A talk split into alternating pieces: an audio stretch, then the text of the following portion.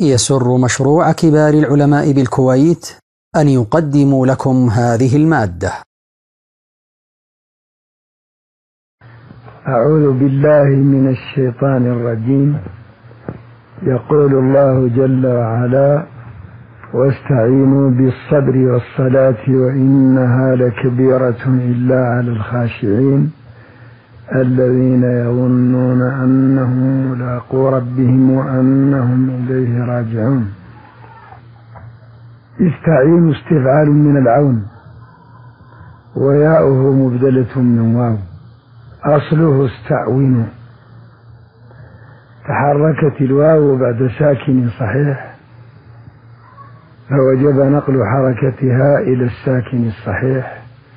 على حد قوله في الخلاصة.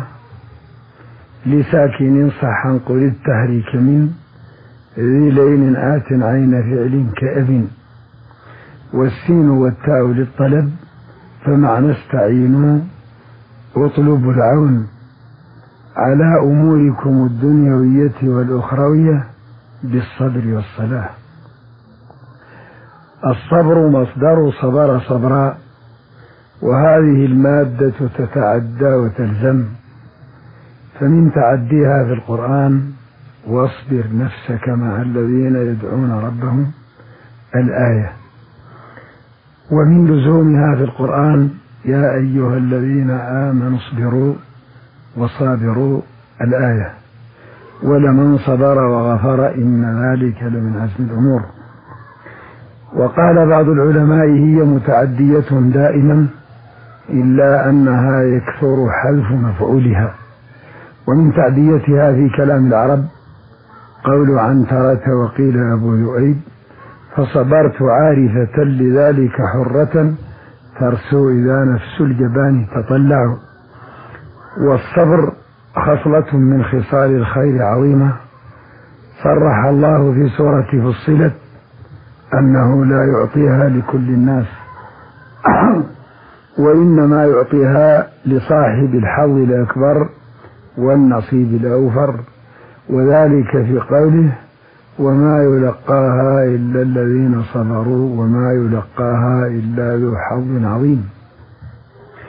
وهذه الخصلة التي هي الصبر لا يعلم جزاءها إلا الله كما قال جل وعلا إنما يوفى الصابرون أجرهم بغير حساب والصائمون من خيار الصابرين ولذا قال صلى الله عليه وسلم فيما يرويه عن ربه إلا الصوم فهو لي وأنا أجزي به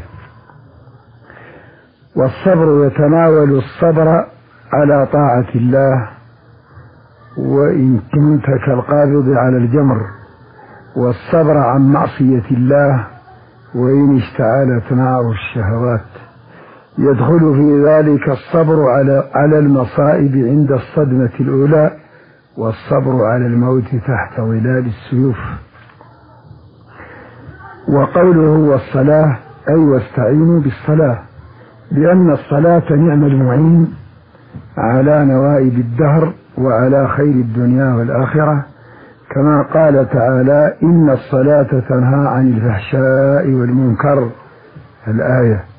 وقال جل وعلا وأمر أهلك بالصلاة واصطبر عليها لا نسألك رزقا نحن نرزقك والعاقبة للتقوى. وكان صلى الله عليه وسلم إذا حزبه أمر صلى. وروي عن ابن عباس رضي الله عنهما أنه نعي له أخوه قثا فأناخ راحلته وصلى وتلا واستعينوا بالصبر والصلاة.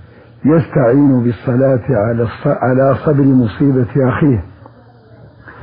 ولا شك أن لطالب العلم هنا سؤالا وهو أن يقول أما الاستعانة بالصبر على أمور الدنيا والآخرة فهي أمر واضح لا إشكال فيه لأن من حبس نفسه على مكروهها في طاعة الله كان ذلك أكبر معين على الطاعة.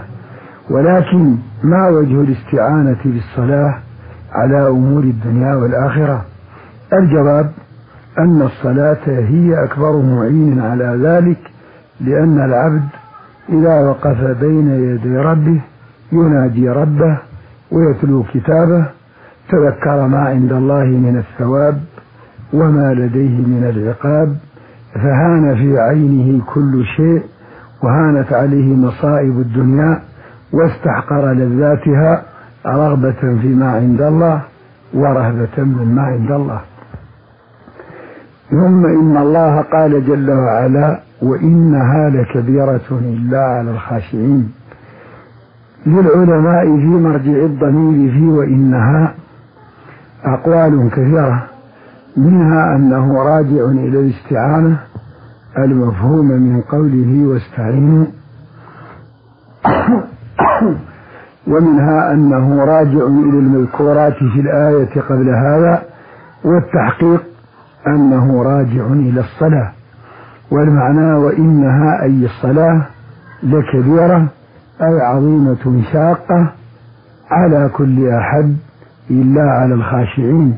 والصبر كذلك على المصائب وعلى طاعة الله وعن معاصي الله كبير جدا إلا على الخاشعين والظاهر أن الضمير إنما رجع لأحد المتعاطفين اكتفاء به عن الآخر لأن مثل ذلك يفهم في الآخر وهذا يكثر في القرآن وفي كلام العرب. فمنه في القرآن قوله هنا وإن واستعينوا بالصبر والصلاة وإنها ونظيره الذين يكنزون الذهب والفضة ولا ينفقونها الآية وقوله والله ورسوله أحق أن يرضوه ولم يقل يرضوهما وقوله جل وعلا يا أيها الذين آمنوا أطيعوا الله ورسوله ولا تولوا عنه ولم يقل عنهما. ونظيره من كلام العرب قول حسان بن ثابت إن شرخ الشباب والشعر الأسود ما لم يعاص كان جنونا ولم يقل ما لم يعاصيا. وقول نابغة ذبيان وقد أراني ونعم اللاهيين بها والدهر والعيش لم يهم بإمراري. وقول الأضبط بن قريع وقيل كعب بن زهير لكل هم من الهموم سعة والمسي والصبح لا فلاح معه. ولم يقل لا فلاح معهما. والكبيرة هنا وصف من كبر بضم الباء يكبر بضمها إذا عظم وشق وثقل ومنه قوله كبر على المشركين ما تدعوهم إليه. وهذا النوع في المعاني من كبر الأمر إذا شق وثقل أو كبر بمعنى عظم كقوله كبر مقتا عند الله أن تقولوا ما لا تفعلون. يكبر الأمر فهو كبير. مضموم في الماضي تقول كبر يكبر فهو كبير. كما بينا أما كبر السن ففعله كبر بكسر الباء يكبر بفتحها على القياس وهو معروف. ومن أمثلته قول قيس المجنون فعشقت ليلى وهي ذات جواعب ولم يبد للعينين من ثديها حجم صغيرين نرعى البهم يا ليت أننا إلى اليوم لم نكبر ولم تكبر البهم. والاستغناء في قوله إلا على الخاشعين استثناء مفرغ وأصل تقرير المعنى وإنها لكبيرة أي ثقيلة عظيمة شاقة على كل أحد إلا على الخاشعين. والخاشعون جمع الخاشع وهو الوصف من خشع. وأصل الخشوع في لغة العرب الانخفاض في طمأنينة.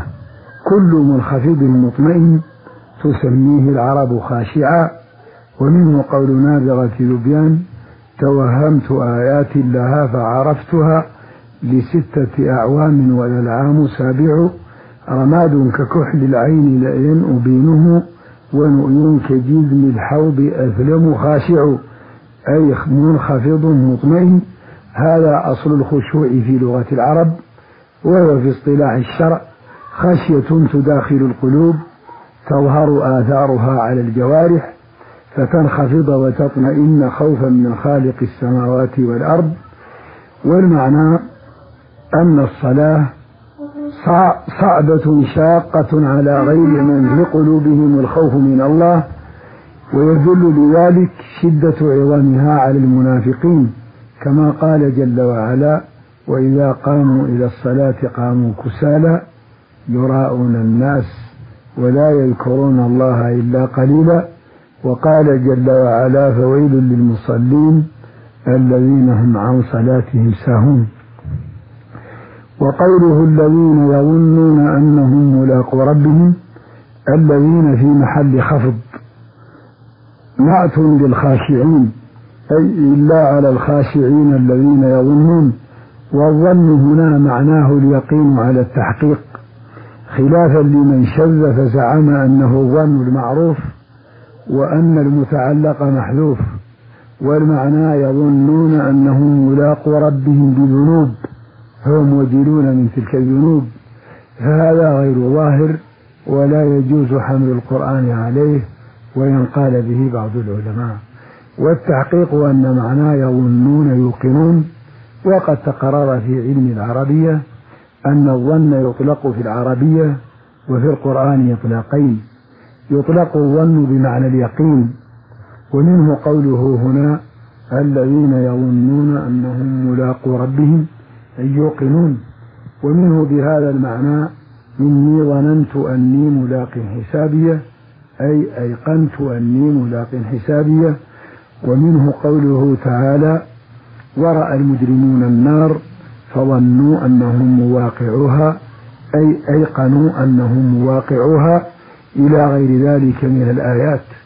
ومن أمثلة إطلاق العرب الظن على اليقين قول دريد بن الصمة فقلت لهم ظنوا بألفي مدجج شراتهم في الفارسي المسرد فقوله ظنوا أي أيقنوا.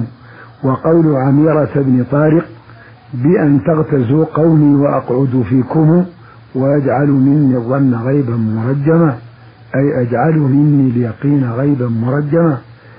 فمعناه يظنون أي يوقنون أنهم ملاقو ربهم وملاقو أصله ملاقيون مفاعلون منقوص. والمنقوص تحذف ياؤه عند التصحيح.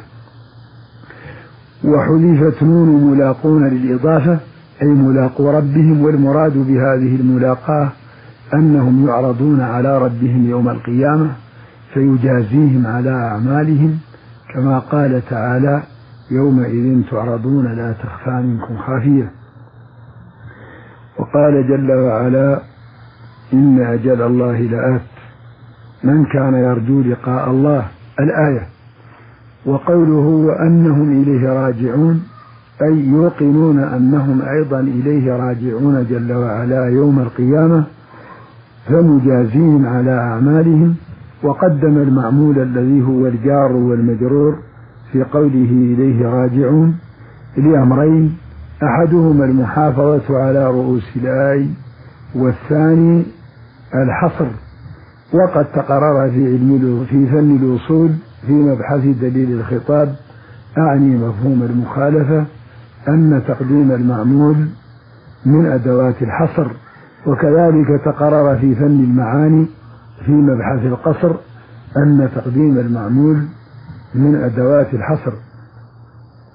وهذا معنى قوله الذين يظنون أنهم ملاقو ربهم وأنهم إليه راجعون.